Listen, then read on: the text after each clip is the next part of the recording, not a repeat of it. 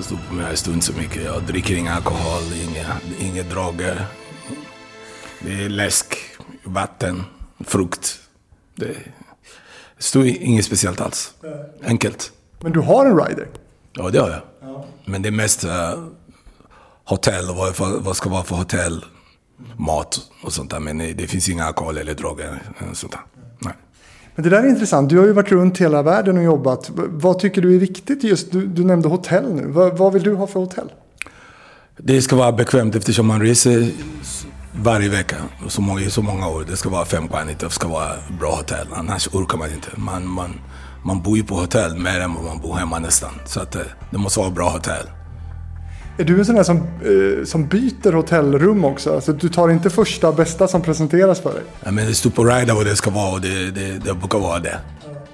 Eh, vad spännande! Äntligen Hitfabrikens tredje säsong är igång. Vi ska köra igång det här avsnittet skrivet av mig med god hjälp av Joakim Jax och det ska handla om dig, Dr. Alban.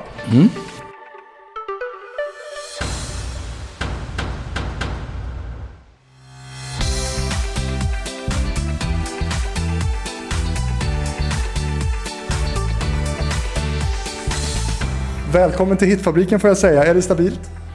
Ja, det är stabilt. Än så länge. Ja, precis. Än så länge. Det är bra. Eh, och du är liksom hela tiden iväg. Du ska iväg snart och, och spela in saker i Berlin. Det ska jag. Ska imorgon spela in. Så att det händer grejer hela tiden. Det gör. Vad blir det för någonting då? Vad är det du ska spela in för något?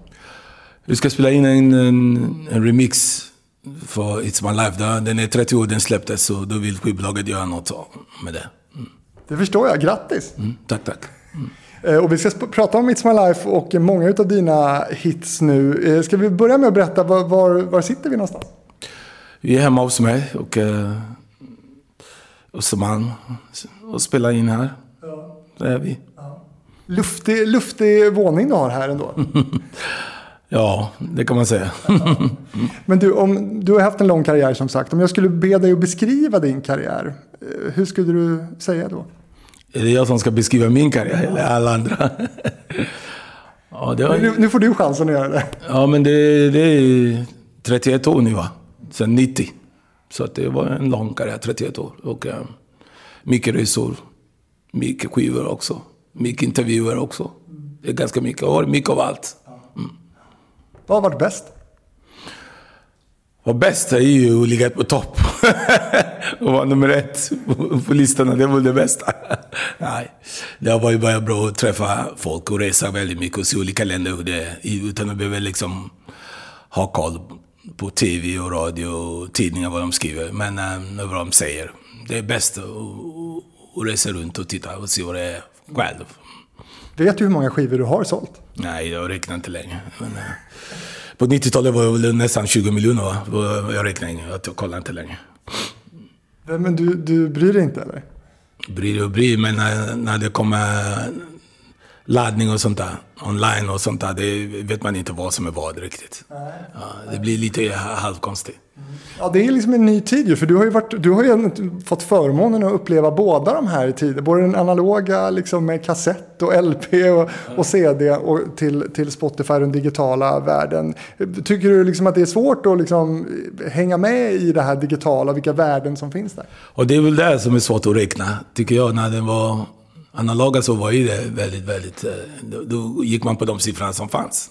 Hur mycket man sålde. Men idag, det... det är bara att ta det. Så. Och det är svårt att tjäna pengar på musik idag. Ja, det är det väl. Det det är ju svårare för att det är inte de pengarna man, man fick när det var analoga och när man, man får idag. Det är mindre pengar när, när det är digitalt. Det är det. Eh, det kommer ju handla mycket om din musik nu och din, dina hits såklart. Men, men eh, vad har du för relation till din musik och dina största hits idag? Hmm, jag har relation till dem, det är att jag, folk gillar dem, jag sjunger dem. De lever så länge, de har levt så länge. Och eh, när man spelar Sing Halleluja, det är som det precis, det är, det är precis ut idag. Det känns så. Det är den feeling man får. Det är flavfilla. Det är många som är glada, glädje sprids i hela dansgolvet. Alla bara ser fram emot ska dansa. Så att det, det känns ju att det, den är ute idag. Så det, den glädjen finns ju. Och det är trevligt att kunna se tillbaka och se hur de här låtarna har utvecklats och hur folk tycker om dem. Det, man bara blir wow.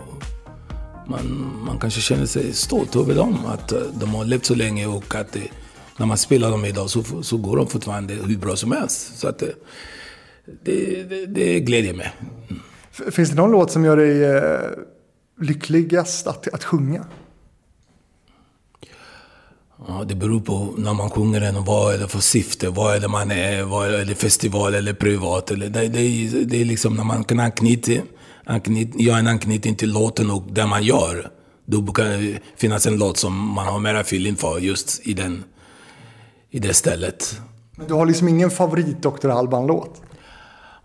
Det, det, det, kan man inte säga. Det, alla låtar gjorde man ju på en viss syfte. Så att det, de, de gör det de gör och beror på när man och hur man spelar dem, när. Mm. One Love är min favorit. Om jag ska få säga min favorit så, så är det samma, One Love. Om jag ska få säga det. Ja, ja. ja men kul, då har vi samma. Ja, det har vi faktiskt. Ska vi börja snacka om den då? Vad, vad, vad gör det att, att uh, One Love är så, så, uh, så stor för dig? Det är ju texten är också väldigt, väldigt intressant. Och biten och svänget. Liksom. Det, är, det är en bra bas, det är bra sväng, det är reggae, det är pop i den. Så att det är inte bara riktig reggae, det är en, en reggae-pop-låt.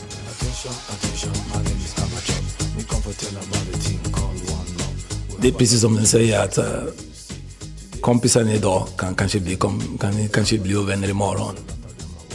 Och det är texten, det är liksom det, det, texten gör ju väldigt mycket och själva pop-reggae-svänget. Är det en självupplevd text? Ja, det är det. Vill du berätta vad den handlar om? Det är som den säger, today's friends are tomorrow's enemy. Det är ju det det handlar om. Det är ju liksom one love, man ska hålla sig ihop och uh, glömma och försöka gå vidare och uh, hålla sig ihop. Det, det är det, today's friends are tomorrow's enemy. Det är,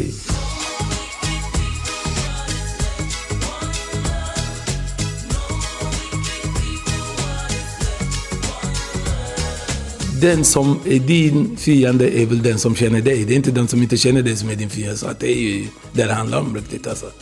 Så att den som kan skada dig, den som kommer att skada dig är oftast den som vet vem du är, vem som känner dig bäst. Det är inte den som inte känner dig.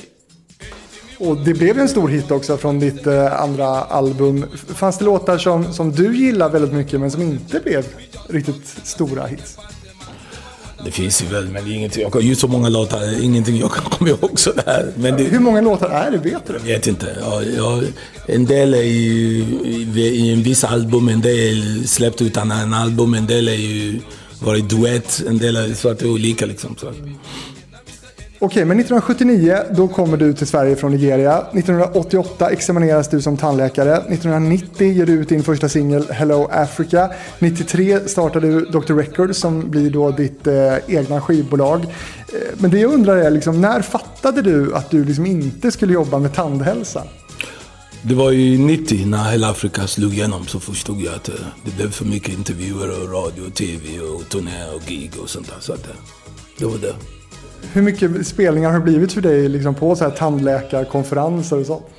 Ja, det har varit ganska många ändå. En, jag har en på gång nu i december. Så, att, ja, så det är mycket tandkonferenser jag har varit på Hur är de då? Det är bra, då, då får man mellansnacket bli om tänder. Så att det är ganska roligt ändå. Både för mig och för dem. Mm. Kan du fortfarande det här liksom tandläkarlingot med det dental och C, alltså allt det där man säger, eller det tandläkaren säger? Liksom? Ja, det är klart man kommer ihåg det. Distalt och mesialt och li lingualt och bokalt och vad det är man säger. Mm. Det är ett väldigt speciellt språk. Ja, det är det. det är, man måste veta liksom sidorna. Tanden som hänger med på den andra sidan och den, den andra sidan. Det är högersidan och vänstersidan. Och framsidan man tittar, man ser. Och på tungsidan som man ser, som man inte ofta ser. Så att eh, det är ju, det är ju distalt längre bort, dis, distalt lite längre bort, mesialt närmare. Ja. Bokalt, facialt framför och lingualt mot tungan. Så att det, det är de språken man måste kunna. Det, när man ropar till en, en tandsköterska, då ska alltså, 3-6 distalt, då vet man att det, det är den som är närmare visdomständerna, den, den sidan i alla fall. Men du, vad har du för tandläkare? Vad sa du? Vad, vad har du för tandläkare? Vad jag har för tandläkare? Jag har en um, lärare som var med och utbildade mig. Han går jag till. Soren heter han. För jag har ju gått till samma tandläkare sen jag gick i gymnasiet i princip. Men nu har han gått i pension. Eh, och det är lite sorgligt eftersom jag tycker man får en ganska så här, intim relation med sin tandläkare ändå. Jag måste hitta någon bra. Du får tipsa mig sen. Ja, men jag vet. Det är ju det är också. Min han går i pension så att jag måste också hitta en ny. Så att det är sånt, det är sånt som, det är sånt som händer och det måste man anpassa sig. Mm. Eh, jag tänkte vi ska börja nu 1990 när du då släpper Hello Africa som du var inne på. Det är ju något väldigt unikt det här med att alltså det finns ju artister som går ett helt liv utan att få en hit. Och som gör musik och plattor eh, men det händer aldrig någonting. Du släpper din första platta 1990 eh, och singeln Hello Africa blir en världshit i princip direkt. Var du beredd på det? Nej, det kan man inte säga. Om, om, om man är beredd på det, då, då kan man ju hur man ska göra. Då får man fortsätta att göra det, eller lära någon annan att göra det.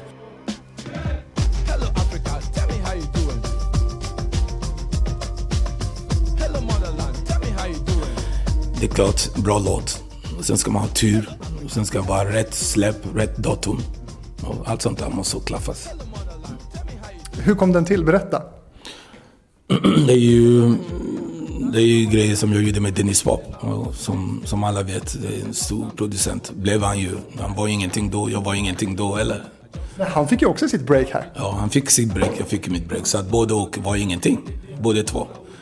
Och när jag blev något så blev han något. Så, så blev vi ju, det blev så. Sen fick han hjälpa många andra efter det. Så tack vare mig. men, men hur arbetar ni fram den? Kommer du ihåg? Har du minnen från den här tiden? Jo, han var ju DJ och jag var DJ så att... Eh, då det var vi där. Vi, vi, vi latchade och, liksom, och tyckte att DJ, DJ som DJ, vi jobbade på, på den tanken. Vi är ingen, vi är ingen musiker, inte, inte spela någon piano eller gitarr. Det var inte det det handlade om. Det var liksom att vi vet hur det ska låta på dansgolvet. Vi vet vad man ska säga eller spela. Eller vilka takter som det ska vara tyst och inte tyst. Det är de här grejerna som hjälpte oss vidare fram.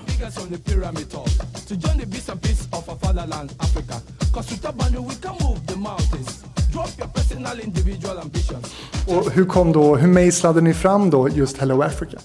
Han hade ju beatsen, han hade ju den här beatsen så att uh, och då tänkte jag att det lät väldigt afrikansk bakgrunden så att jag tänkte okej, okay, det måste vara, något, texten måste handla om Afrika så det var spont, min spontan grej direkt när jag hörde det. Och då började jag skriva om Afrika.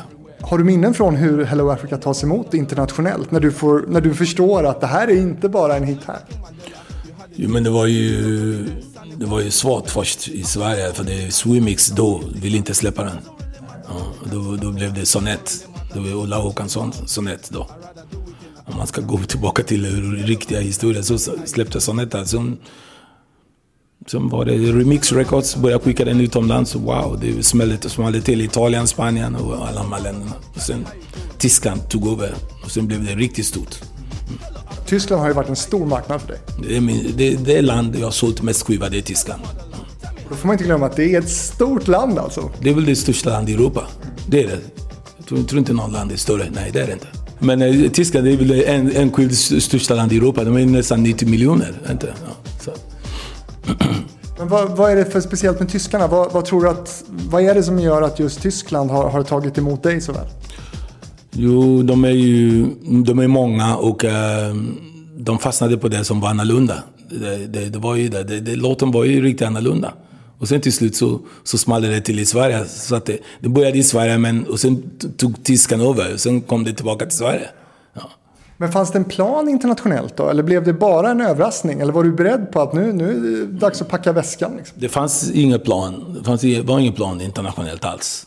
Men det small till så var vi tvungna att hänga på.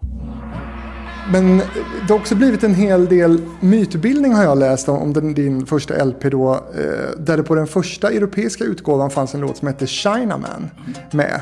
Men den togs bort. Ja, det var bara en rolig grej. Det, Tjena man du, det är chop chop. Jag menar, det är som en rolig grej. Tjena man du, det är chop chop. Man, chopsticks. Man äter med chopsticks och det är liksom en rolig grej. Jag fattar inte varför man ska tycka det är något konstigt med det. Tjena. För den blir anklagad för att vara rasistisk i princip. Ja, men det, Det, det, det, kan inte, det kan inte man tro på allvar heller. Tjänar man do the chop chop with chopsticks, det gör man ju. Det är inget konstigheter. Mm. Nej, men precis. Men, men blev du förvånad över att, att folk tyckte då att det var, eh, liksom, handlade om rasism i princip? Ja, det var ju det var inget att ta på allvar egentligen om man lyssnar på texten. China man do the chop chop. China man do the chop chop. Nej, det är chop chop och det är with chopsticks. Det är inte med kniv och gaffel. Så vad är det som är konstigt med det? Det är precis det de gör. Det är precis det det är. Ja. Men, men den togs ändå bort eller? Ja, om, om respekt om folk tycker att det stör, då får man väl lyssna på det och, och ta till det, ta till sig. Det lät ändå som lite motvilligt från ditt håll eller? Ja, motvilligt, ja, vi lyssnar på vad folk tyckte, vi, vi, vi, vi gjorde bara det så att alla är nöjda. Det är inga konstigt.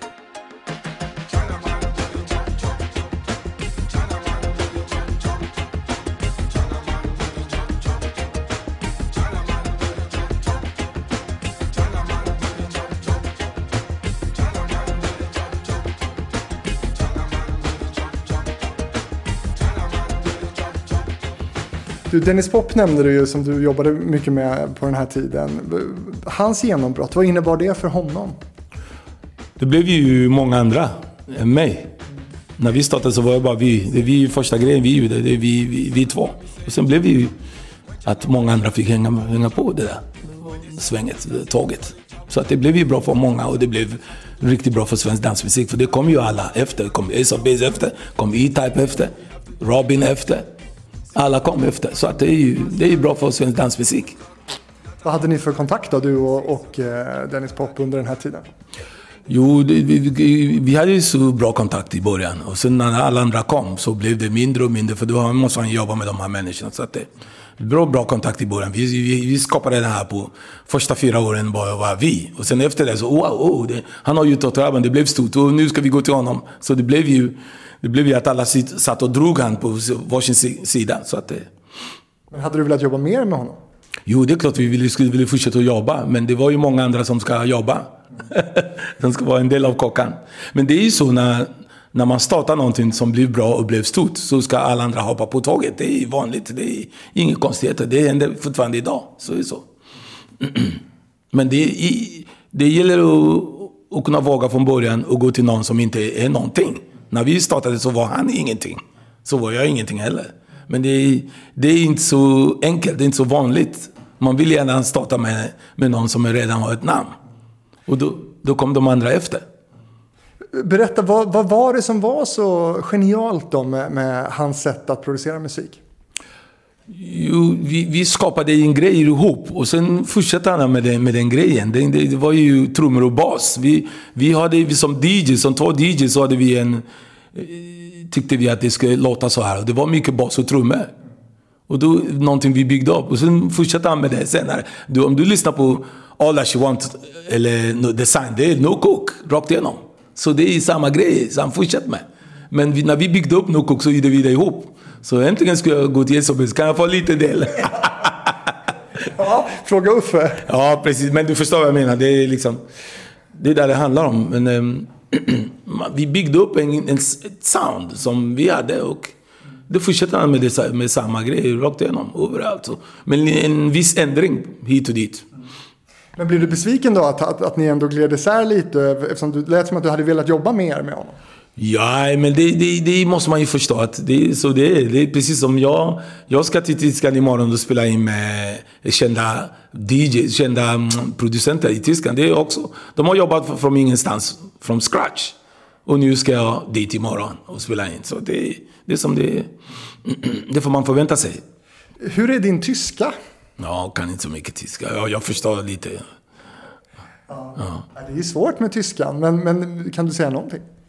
Underbar, helt klart.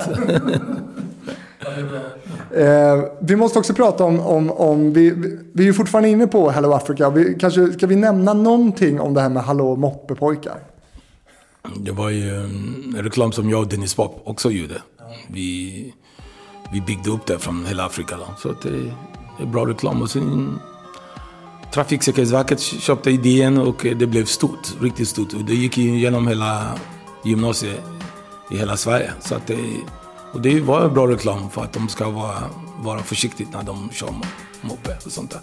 Tio små moppepojkar körde till en bio. En körde vilse, sen var de bara nio. Hallå moppepojkar, titta vad ni gör. Hallå moppepojkar, titta hur ni kör. Så att det slog igenom riktigt bra. Vissa. Hur ser du på den versionen idag då, om man säger så? Det är bra. Det är bra. Det är, det, det, den är stor, folk tycker det är kul att lyssna på den och jag hoppas att de tar till det när de, tar till det när de um, åker moppe. Så det är bra. Det är nästan lite kultklassiker. Ja, det är den. Det är den. Men, men var det mycket pengar som slängdes på dig för att göra det här? Eller gjorde du det mer eller mindre ideellt? Det är två grejer där. Det, det, det, hade det varit, hade det varit kom och och dansa, då kanske det, det, det blir helt en annan grej. Men det, trafiksäkerhetsmässigt så tycker jag att det, det, var riktigt bra. Och sen ska vi använda samma jävla låt som vi redan har. Det är samma hela Afrika, no cook, blandning där. Så att det var ju perfekt. Vi gör, vi gör det här för att rädda livet för ungdomarna som åker moppe. Slarvig och inte tänker på hur de ska köra. Eller moppepojkar tänker på hur ni kör. det var ju det det handlade om.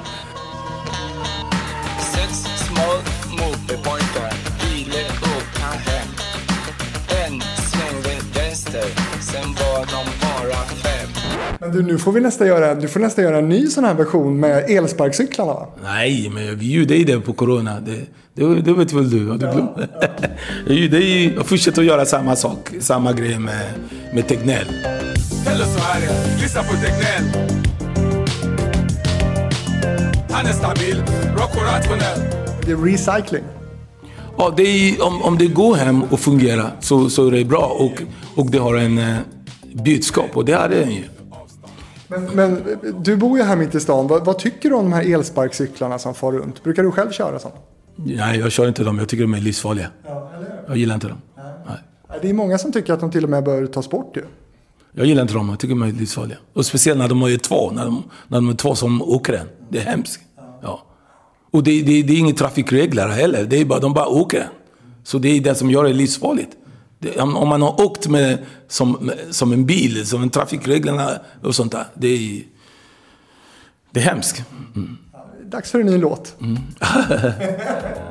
Vi ska snacka lite No Coke nu. eh, För den ligger också på ditt debutalbum och blir också en, en jättehit. Ja, en klassiker får man väl säga. Hur kom den till? Hur det kom till. Det är också en sån här låt som var realistisk skriven. För det var ju liksom en händelse och eh, droger, Det vet man vad det orsakar. Det ska man inte hålla på med det. Man ska göra saker och ting som man vet att man, har, eh, man är klar i huvudet när man gör saker och ting. Inte när man är påverkad. Så att det var ju det det handlar om. Att droger är inget bra. Man blir påverkad och när man blir påverkad så kanske man inte tänker till rätt när man gör saker och ting. Mm. Hur mycket droger har det varit runt dig skulle du säga genom din karriär? Hur mycket det har varit, det vet jag inte. Det, det viktigaste är att de flesta som tar det här vet att man, när man inte tar så visar de inte det framför. De vet vilka som de ska deala med, de vet vilka de ska prata med. De vet vilka de inte ska prata med. Och det, jag vet att det, det cirkulerar runt omkring i musikbranschen och runt omkring på scen och sånt där. Men det är ingenting, ingen har kommit till mig för de vet att jag hatar skiten.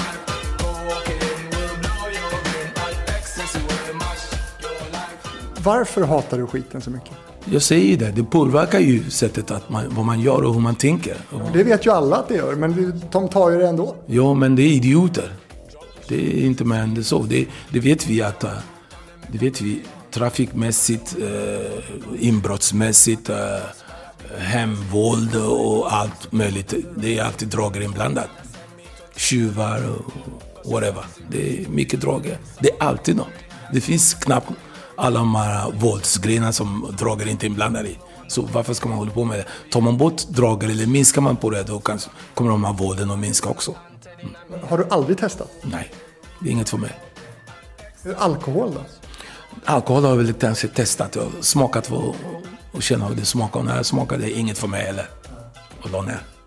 Men känner du det lite unikt då när du har varit runt i världen på turnéer eh, att, att, att vara en sån renlevnadsman? Ja, jag är unik, det vet väl du? jag skojar. Nej, men eh, det, det, det är väldigt viktigt att... Um, jag känner att jag, jag behöver inte det. Jag tycker det är hemska saker, alkohol och droger. Jag tycker inte att jag behöver det. Och jag mår bra av att jag inte har det, att jag inte vill ha det. Och jag fortsätter gärna med det. Och sen predikar jag heller också. Och så predikar jag gärna att folk inte ska hålla på med det.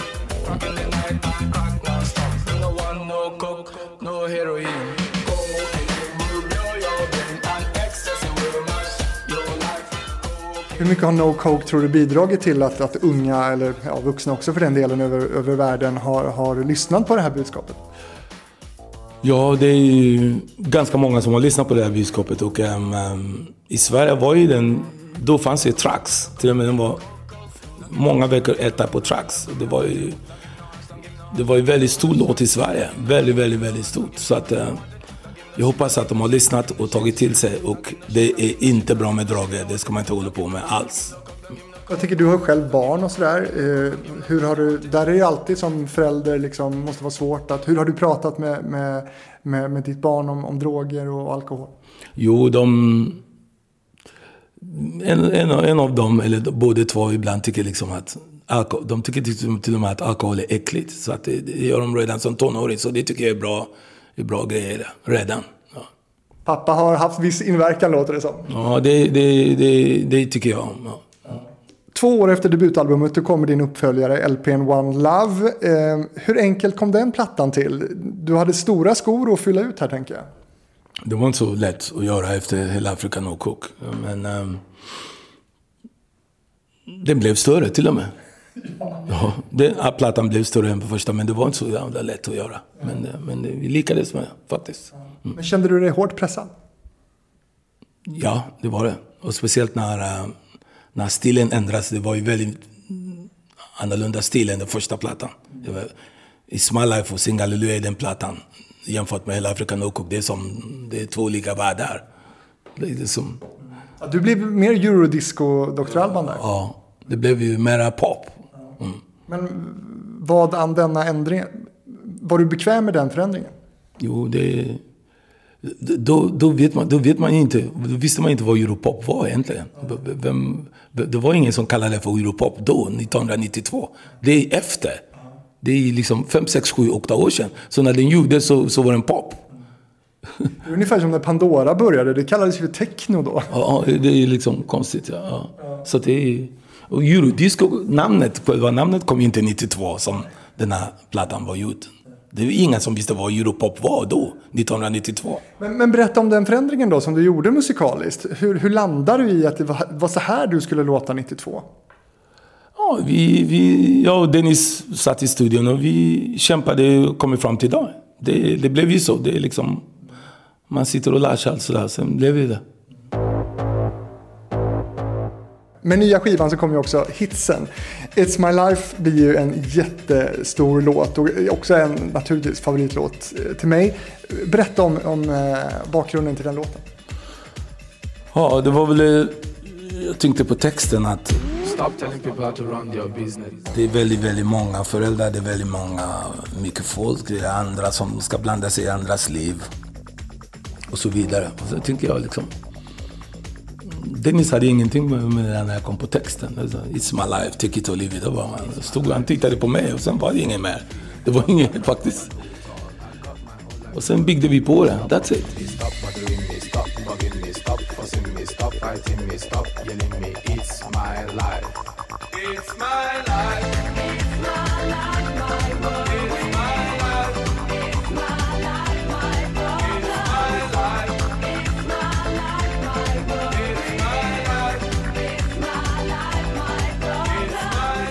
Jag vet inte, vi hade någon slags enkelt kemi mellan... Vi, det var aldrig någon argument typ, i studion. Det var, han tyckte något, jaha okej då köpte jag. Jag tyckte något, då köpte han det. Så att det var ju väldigt eh, bra kemi, det var väldigt enkelt.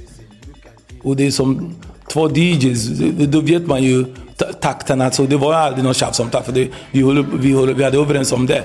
Och hur beatsen, det svängdes, det ska vara mycket trummor och bas. Så det var ju det, det är som No Cook.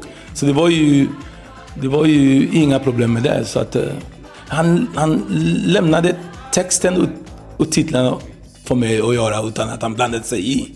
Det är lika mycket som jag lämnade mycket att han fick ihop trummorna och basen utan att jag hade så mycket att säga ändå. Nu så här i efterhand, då hör man ju att det här är en stor hit. liksom. Eh, först, är du en sån som redan i studion hör det också? Jag, jag har det inte hela Afrika så, så stort. Jag har det inte nog, så stort. Men jag har det, jag har det som Sing Hallelujah. det har jag. De två har det. det för mig det var rak. Att, Sing Hallelujah var den som var ovia. Det kunde jag, jag kunde liksom skratta och vänta på bank, gå till banken. För Sing Halleluja var det klassiskt, det, det, till, till och med idag. Till och med idag när man spelar, det låter som att det gjorde igår. Nästan. Så det är en, klass, en klassiker, kommer att bli en evergreen även om hundra år till. Ska du dra den historien också då? Hur, minns du någonting om hur, hur, hur ni kom på den? Vi började med en, um, en samplingsskiva. Sing hallelujah, that's it. Det finns ju sådana sampling som Put your hands up in the air. Så, sen ingenting menar jag. Och sen finns det Aje, aje, aje, aje. Det, det finns en sån, sån samplingsskiva som finns. Så att det, vi byggde på det från en samplingsskiva. Sen blev det Sing hallelujah. Sing it, sing hallelujah. Det blev ju det. Men själva samplingsskivan var Sing hallelujah. That's it.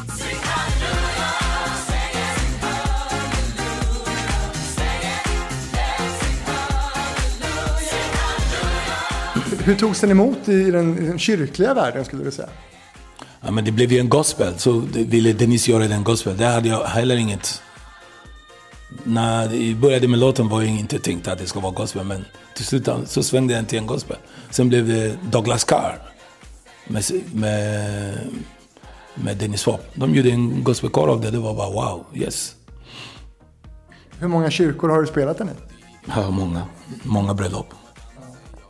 Var har den tagit dig? Ta, men ta Sing Hallelujah. Var, var är det längsta du har varit på jordklotet och spelat den låten? Jag har varit överallt. Jag har varit i Australien. Jag har varit Zealand har inte jag varit, men Australien har varit och turnerat. Kanada, USA. Så att Var är fansen bäst skulle du säga?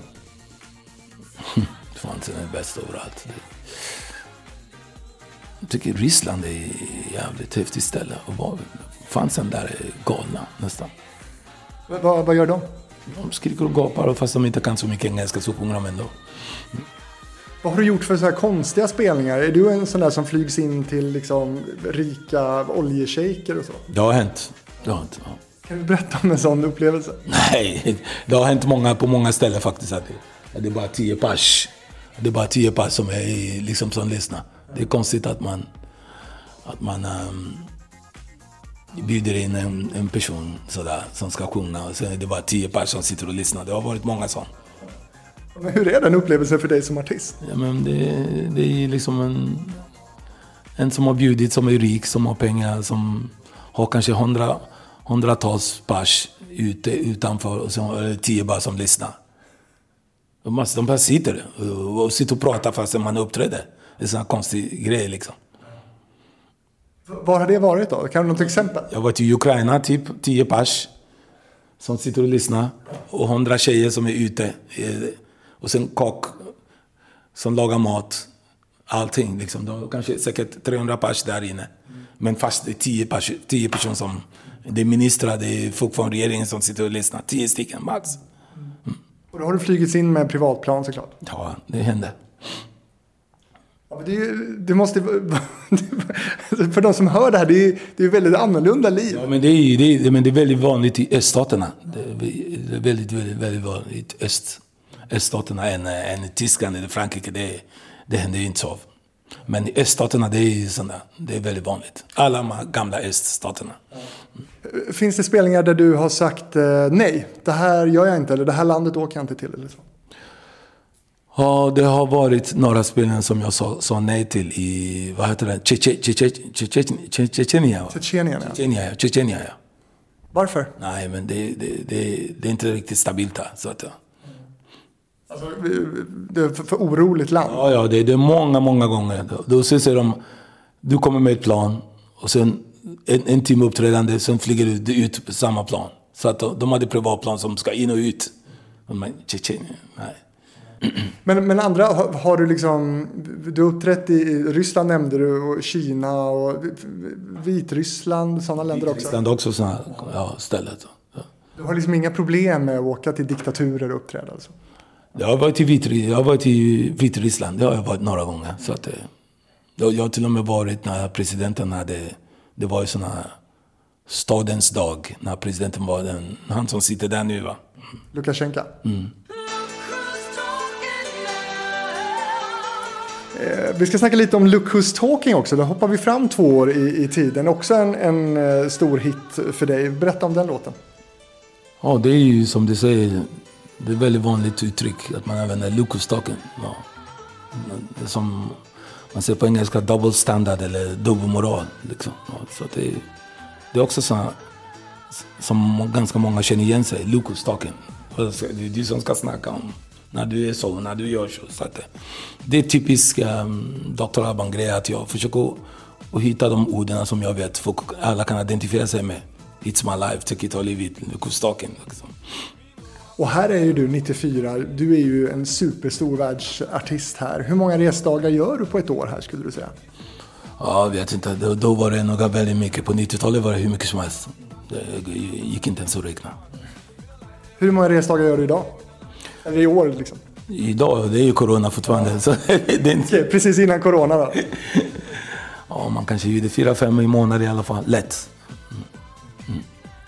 Fyra, fem dagar per månad ja. Och då är det, näst, ja, det är nästan varje helg gissar jag då. Ja, det kan man säga.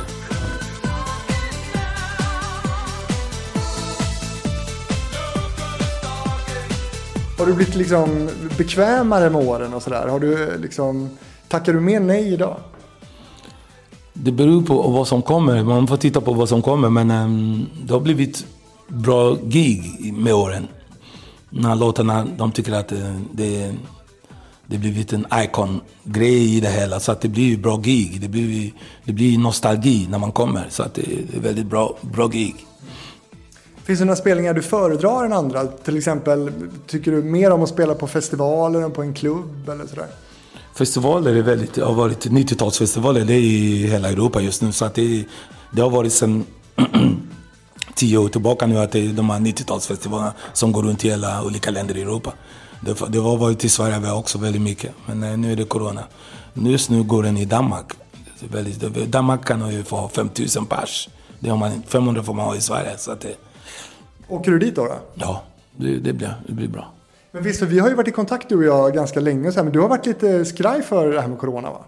Ja, jag tycker liksom att um, man skulle ha haft ännu mer respekt än vad man hade. Liksom. Men um, tack och lov att det kom vaccin. Att, uh, att uh, det har blivit bättre med vaccin. Att uh, de som har vaccinerat sig inte behöver ligga på sjukhus. Det är väl det som är bra.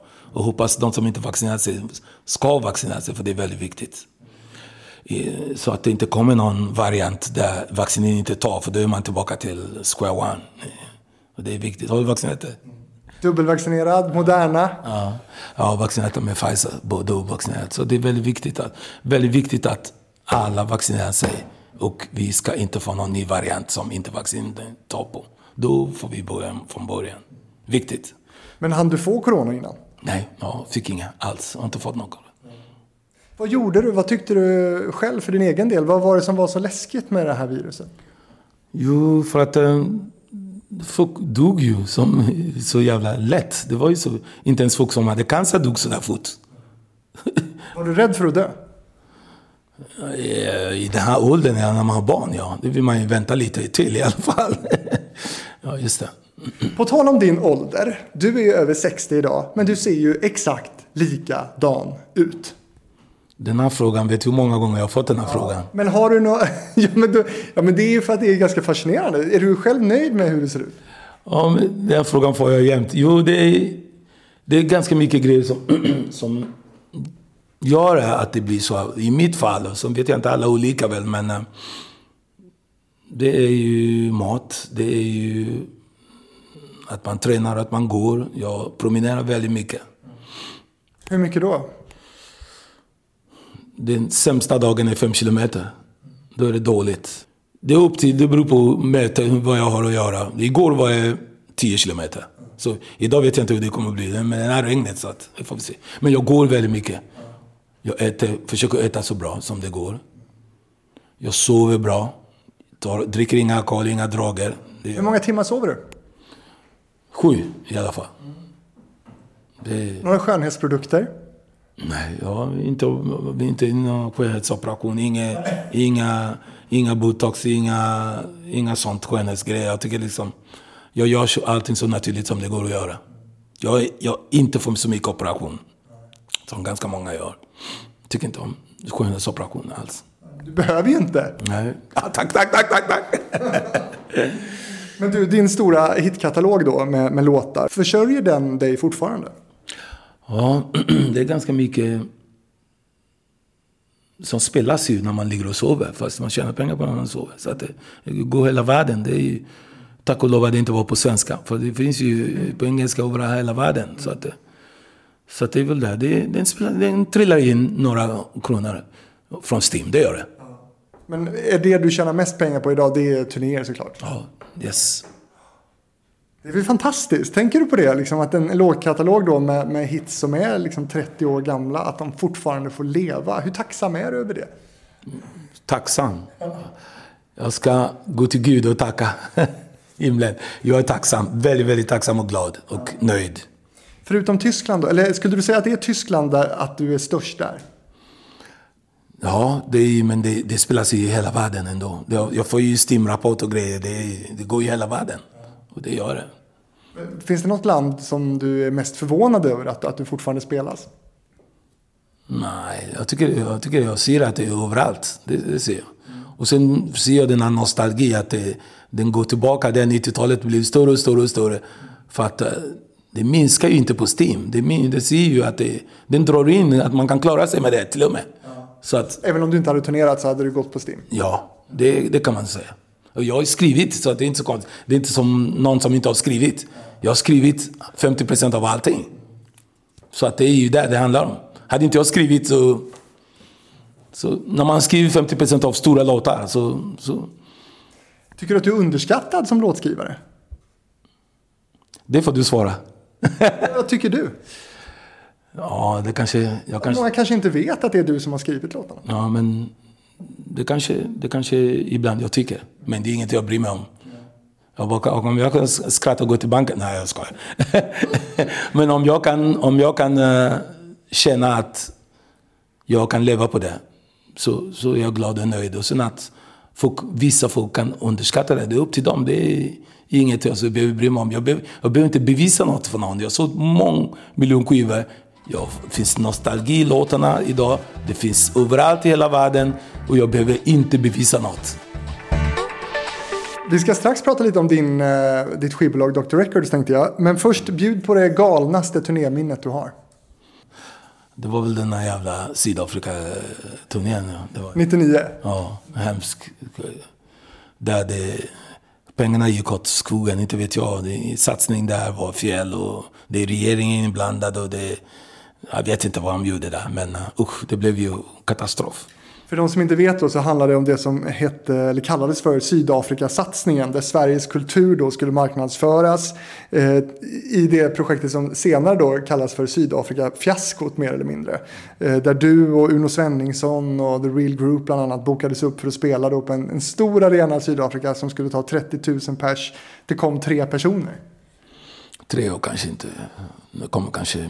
Det var 22 personer där.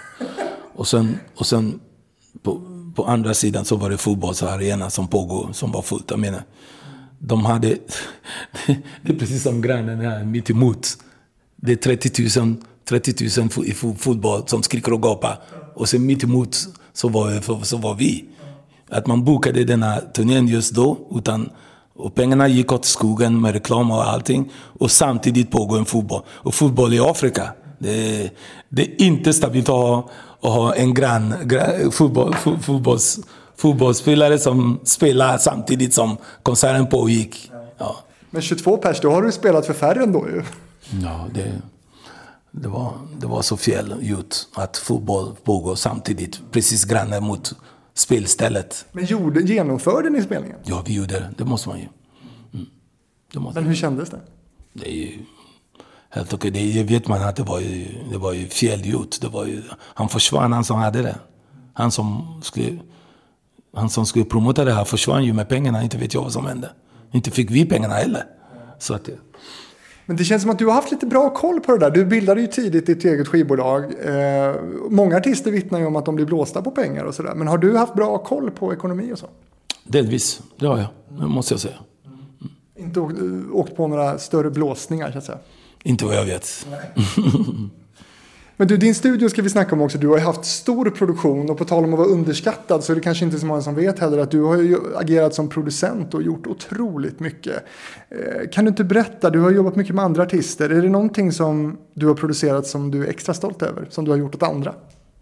Vi har, ju- jag har suttit som executive producer på Drömhus. Drömhus blev vi kända under mig. Allt Drömhus var gjort. Melodifestivalen hon kom ju andra plats då och sålde väldigt mycket av de här i hela Skandinavien. Vill ha det. Så att eh, Drömhus blev ju Lacrim också under mig. Så att det är ganska mycket grus. Sen alla mina produktioner också som kom efter. Jag gick från Sharon. Mm. Från BMG Sharon då. Vad har hänt med studion idag? När vi avvecklade studion när det blev digitalt grejer där. Det blev ju... Det, det, idag kanske man tjänar pengar lite på digitalt, men det gjorde man inte på, i början när digitalgrejerna kom. Det var ju bara... Det var, fanns inte Spotify när den kom, när det var digitalt. Det var Napster. Ja, men det, blev ju, det var ju konstigt. Ja. 1998, eh, Alban, så gör du ett ganska roligt och smått oväntat artistsamarbete i Sverige med Kikki Danielsson.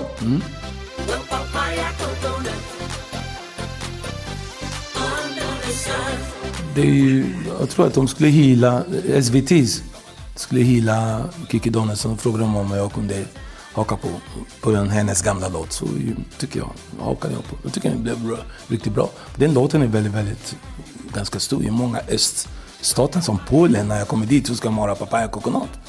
Och då blir man bara, okej.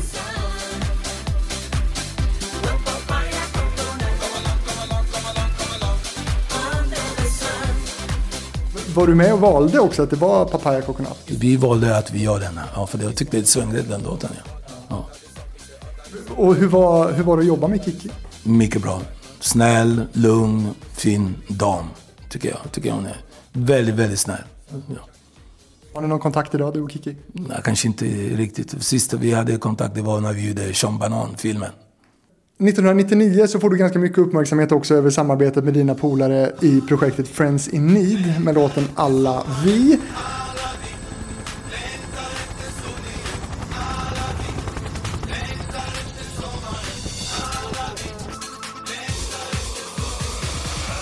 Hur ser du på den här låten idag? Coolt låt. Det är också så här, när man uppträdde i Sverige. Sitter alla och skriker alla vi, alla vi. Så att det, det var också en rolig grej. Det, allting ska inte tas på så jävla allvar. Det var ju liksom kompisar emellan. Man tyckte okej, vi längtar efter sommaren, det är för kallt. Vi gjorde en låt. Alla vi längtar efter sommaren. Vi får ta det på en nypa salt. Men ganska många tog det på allvar. Ja, vad hände med, med mottagandet skulle du säga? Men det, det, det är många som tog det på så allvar. De så tar det som att det var en rolig grej. Och det är precis vad jag tycker att det är. Det är en rolig låt.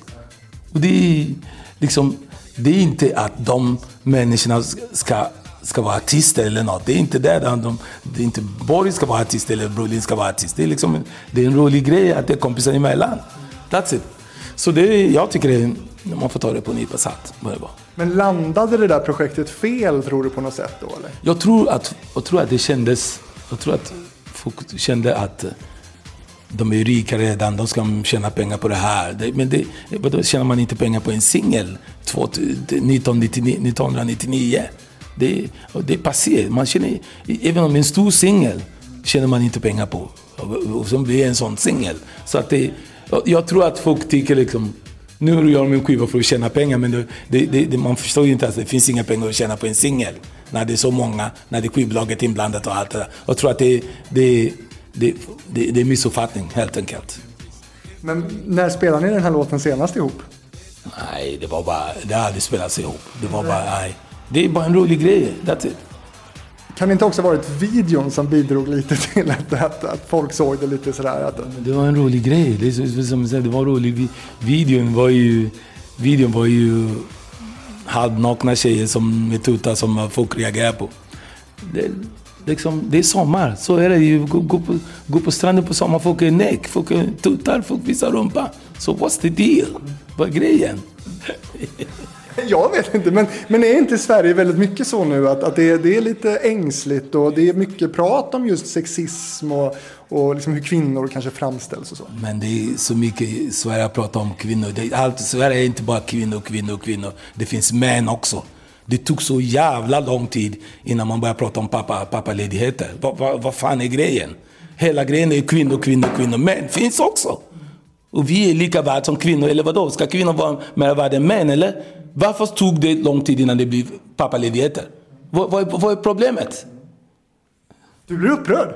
Ja, men jag, jag tycker det är så mycket fokus på de de här kvinnor, kvinnor, kvinnor, kvinnor. Ja, det är klart kvinnor, kvinnor, kvinnor. Ja, men män, män, män också.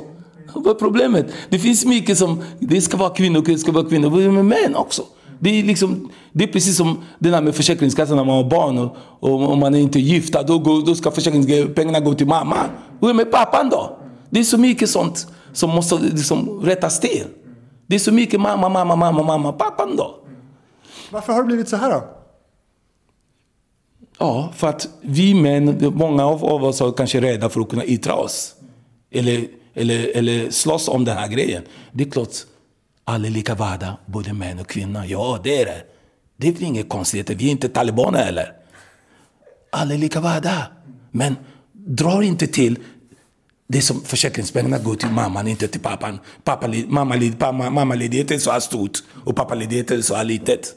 Och, och, och det tog tid, till och med till, ens innan pappaledigheten kom. Men känner du dig diskriminerad? Det, det, jag, känner, jag känner, jag tycker liksom det... När man, när, man, när man ska bära en sak så ska man bära, oj, det är tungt, det är tungt, det är tungt, det ska en man bära, det är inte en kvinna. Jaha, okej. Okay. Där känner man att en man är starkare. Och sen ska man göra den andra, då ska en kvinna vara... Så, vad, fan, vad, är, vad, håller, vad håller vi på med? Så vad, what's the deal? Vad är grejen? Ja, en kvinna är svagare än en man. En, en man ska bära. Det håller jag med. Men när, när det gäller barn, det, jag, jag förstår inte grejen. Jag tycker det ska vara lika, det ska vara lika. That's it. Men har du drabbats negativt av det här själv som pappa? Nej, inte men jag bara ser en viss sak där, där man gagnar kvinnor mer än män. Och hela tiden i Sverige. Det, det är för överdrivet, tycker jag. Du är adlad i Nigeria. Vad innebär det? Oh, det, det är homeboy. Det är liksom, det är såna, när man har gjort någonting och förtjänar att bli adlad i Nigeria, då tycker jag man att jag är nigeriansk och satt Nigeria på kartan och kände utomlands, så mycket skivor. Då blir man ju det. Mm. Vad har du för relation till Nigeria idag? Väldigt mycket. Jag skriver och kritiserar och tycker att uh, demokratin har åt helvete, att uh, fattigdom ökar, att uh, när Taliban, um, Boko, Boko Haram-kriget, uh, liksom. Jag, jag, jag försöker liksom att säga vad jag tycker om saker och ting. Jag tycker liksom att man ska jobba med jobba med att minska fattigdom, att, och jobba med att minska konflikter i Nigeria och allt det där. Jag tänkte vi skulle snacka lite om Melodifestivalen nu. 2014 tävlade du med, med Jessica Folker i låten Around the World.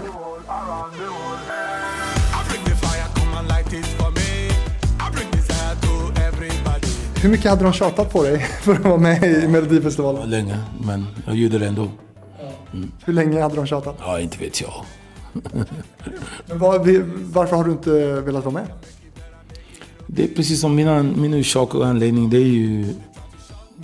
Ibland känns det så att vi inte riktigt... Musik, kan man tävla i musik egentligen? Vad, vadå? De som röstar. Är det antal miljoner Instagram-följare eller vad, vad det handlar om. Så att man känner så ibland att det kanske inte är rättvist. Så att det blev ju... Det var de tankarna jag hade. Men du har 30 000 följare på Instagram. Mm. Det är bra. Du, Instagram, är, Instagram idag det är väldigt ungdomsgrej. Så att det, inte vi som har, hållit på med länge. Det är liksom, Instagram är för, ny, för ungdom och nya generation. Det är inte för vi gamla generation. Så att det är Det är det där det handlar om idag. Det är inga, det är unga, nya generation. Det är vad det Instagram är just idag. Men har du kunnat göra samarbeten och så där och tjäna pengar och så på Instagram? Nej, det, det är precis som jag säger. Det, det är nit, det är för ungdomar idag. Det är inte för Ja, men du är ju kult även bland un- ungdomar. som är 60 år som är.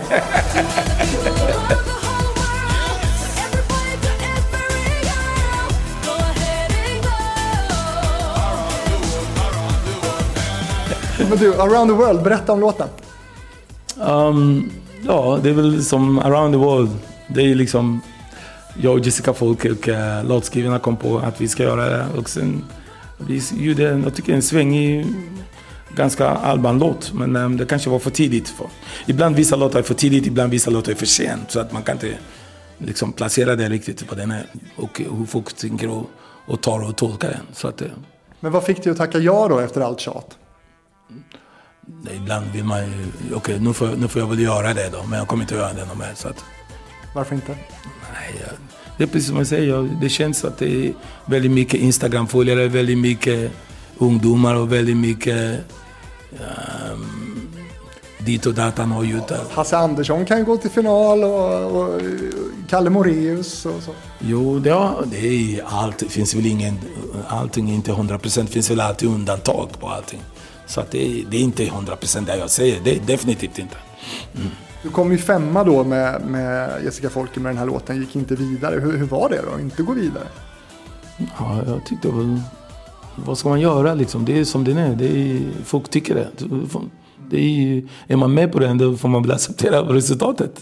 Ja, Gillar du låten idag? ja det gör jag.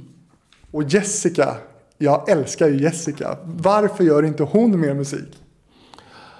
Jag pratade med Jessica. Jag, det var faktiskt en låt som jag har gjort med Jessica som inte är släppt än. Som vi håller på att la- laborera fram och tillbaka. Ny musik alltså?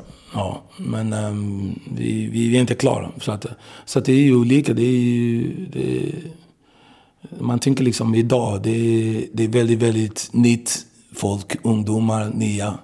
Och, och de flesta äldre släpper inte nya, även om de släpper nya så brukar...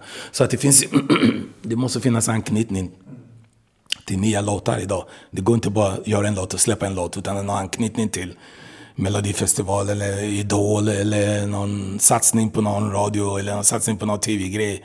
Så att det, blir, det gör att det blir svårt. Jag tänkte vi skulle prata lite om rasism. Du har ju jobbat väldigt mycket runt om i hela världen. Vad har du upplevt för rasism? Ja, jag, jag har väl upplevt det, men det är, det är absolut ingenting jag, jag är intresserad av mig eller någonting jag vill prata om. Eller för att när man pratar om det så blir de här människorna, då får de som de vill. Så att det är bättre liksom att vifta bort det. Det är, som man säger på, igna, på, på engelska, det är ignorance. Det är liksom, rasist är inte mer än ignorance. That's it. Då ska vi inte prata så mycket mer om det. Det jag tänkte på var bara om, du, om din upplevelse var att det har blivit eh, mer rasistiskt eller mindre rasistiskt under de här åren som du har jobbat. Det, jag, jag, eftersom jag inte bryr mig om det och inte vill ge, dem uppmärksamhet så, så vet jag inte om det har blivit mer eller mindre. Jag, jag bara viftar, jag bara drar, jag bara inte ens intresserad av att ge någon uppmärksamhet. Så att jag räknar inte ens om det är mer eller mindre. Jag tycker de vill ha uppmärksamhet och det ska de fan inte få av mig. Hur ser dina musiklyssningsvanor ut? Vad lyssnar du på en vanlig dag idag? Jag vet inte, jag lyssnar på allt som svänger, som låter bra. Jag, jag har ingen... Förut, när jag var yngre, hade jag mm, lyssnat på väldigt mycket soul, reggae, Bob Marley och alla de här grejerna, James Brown. Men nu är det allt som låter bra. Det blir så när man har gjort musik i så många år. Så lyssnar man på allt. Oj, varför, varför är det här bra? Varför är det här hit? Varför spelar de det här? Då får man titta på det i detaljer. Så att jag lyssnar på allt. Jobblyssnar kan man säga. Ja. Men vad har du kvar på din bucketlist som du vill göra som artist? Det är en bra fråga. Jag kämpar ju liksom och vill göra någonting mera. Inte tycker att man, när man är 60 över 60 så att man, man slutar. Nej, det är, jag, jag försöker göra så bra grejer som det går. Det, nu ska vi göra den här Is My Life 30 år. Sen får vi se vad som händer. Men jag fortsätter att jobba. Men du tänker inte gå i pension? Nej, inte än. Men du, du kan tänka dig det framöver? Det vet man aldrig. Jag tänker, finns det de gånger som du också verkligen har känt att, att du har tröttnat på de här femstjärniga hotellen och alla resdagar och så? Nej, det, det kanske inte är femstjärnigt hotell man vill bo. Man vill bo hemma, men när man jobbar så måste man ju vara på de här femstjärniga hotellen. Och det är det som gör att man orkar. Man kan inte bo på en trestjärnig eller fyrstjärnig. Man orkar inte när man reser så mycket. Så att det gäller att man är bekväm när man är inte hemma. Men har du aldrig känt under de här åren att nej, det här var sista turnén? Nej, jag har inte känt än så länge, nej. Det är fantastiskt. Mm, det. Du, Dr. Records idag då? Jag, jag såg ju på ditt bolag här, du omsätter ju mellan 2 och 3,5 miljoner årligen fortfarande. Det är ju helt fantastiskt. eh, På en anställd. Vad är det som du gör? Ja, men det, alltså, det är inte många 60-plussare som tjänar så bra. Ja, jag gör så gott jag kan. Har du, sparar du till så här pensions... pa- Sparar du till din pension? Nej, jag sparar ingen pension. Det- Det är STIM-pengarna som är pension. Men du, relationen till din publik då? Vad, vad, vad säger du? De som har hängt med dig. Känner du fortfarande igen fans som har varit med dig under hela dina, alla dina decennier? Jag till och med har en i Rumänien som jag har daglig kontakt med faktiskt. En fan som har varit i 30 år. Som du har daglig kontakt med? Ja, vi, inte dagliga, men kanske veck, veck, lätt en gång i veckan. Vad pratar ni om? Allting. Han, skickar, han, han samlar ihop allting som skrivs och sägs om mig och skickar. Över hela världen liksom? jag kan bara ringa honom. Jag vill ha det här så fixar han det. Han har, han har till och med grejer jag inte har. Fast det är jag som har gjort dem. Det är konstigt. Läskigt typ. Ja, han är, han, han är bra. Från i Rumänien. Han bor i Bukarest. Men ni har träffats och så? Ja, han har varit här. Ja, Han har varit hemma hos dig här? ja precis. Väldigt privat relation då. Men jag ser han på varje konsert. Jag ser han på varje konsert. Han är på varje konsert. Vad, vad är han för typ av fan då skulle du säga? ja, han jobbar på radio faktiskt i, i, i Rumänien. Han jobbar på radio. Han, han, är, han är bra, trevlig. Han, han till och med läser grejer på svenska och översätter det. Han, han, är, han har koll. Otroligt. Du, ska vi avsluta med att höra med dig då. Vi har ju pratat mycket om den, den första delen av din karriär då du fick otroligt stora hits. Men du har ju släppt album efter det också. eh, Som kanske då inte har blivit lika stora eller rönt lika mycket hits på, på topplistorna. Hur, hur har det varit för dig? Det vet man ju. Det är, allt som är varmt blir kall någon gång. Så det måste man ju, det måste man ju förstå. Det måste man ju ta till. Du, du, kan, du kan inte släppa några It's my life och sing halleluja. Det blir några, det blir några som är bra, det blir några som är sämre. Så är det. Så det, det ingår. Och det får man ta det. Men man kan ändå tycka att det är tråkigt. Ja, det vet jag inte.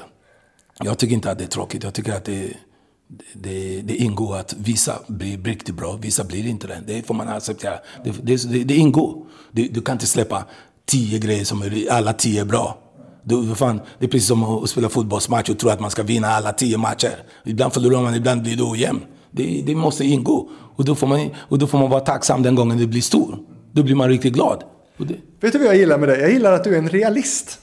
det måste den ju vara. Det är därför jag, det är därför jag mår bra och lever och ser kanske ung ut. Som du säger, att jag fattar inte att man, jag ser likadan ut. Jag försöker vara realistisk.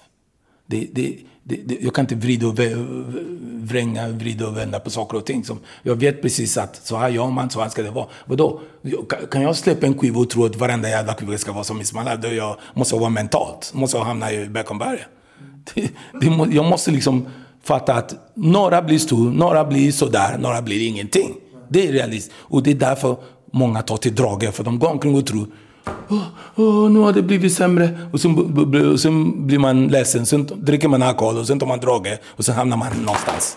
Men man måste liksom vara realistisk och erkänna och acceptera att det blir så här ibland och så här blir det ibland. Så funkar det. Hur mycket igenkänd blir du på stan idag? Ganska Vad säger folk till dig? stabilt. Hela Afrika. No Cook, It's My Life, sjunga, singa. De säger någon låt som de gillar kan de säga. Hela Afrika säger Hur reagerar du då? Ja, ja man. Det är som, jag, jag träffade Tusse här häromdagen. Hans hälsning var Hello Africa, Temia Idubbe.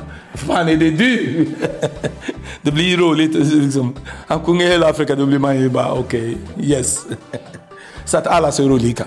Ja, Jag såg det på din Instagram. Du hejar på Tusse. Ja, jag hejade på Tusse faktiskt. Jag tycker han är duktig. Riktigt bra. Han sprider glädje. Ja. Du, nu har vi snackat eh, en timme om ditt eh, liv på scenen och dina hits. Hur var det här för dig? Mycket bra. Tack. Och eh, bra intervju. Och ehm, som alltid, jag försöker att säga vad jag tycker och tänker och uh, vara realistisk. Och fortsätta med det. Kommer alltid fortsätta med det. Och du som lyssnar på Hitfabriken nu, eh, gå in på Facebook och Instagram och följ Hitfabriken där. Där ska jag nu pressa Dr. Alban på lite snabbfrågor. Och har du tips om gäster som du vill höra, eh, då skickar du dem till mig på fabrikspost@gmail.com. Dr. Alban, en ära att få träffa dig. Kul att du var med. Tack, tack, tack.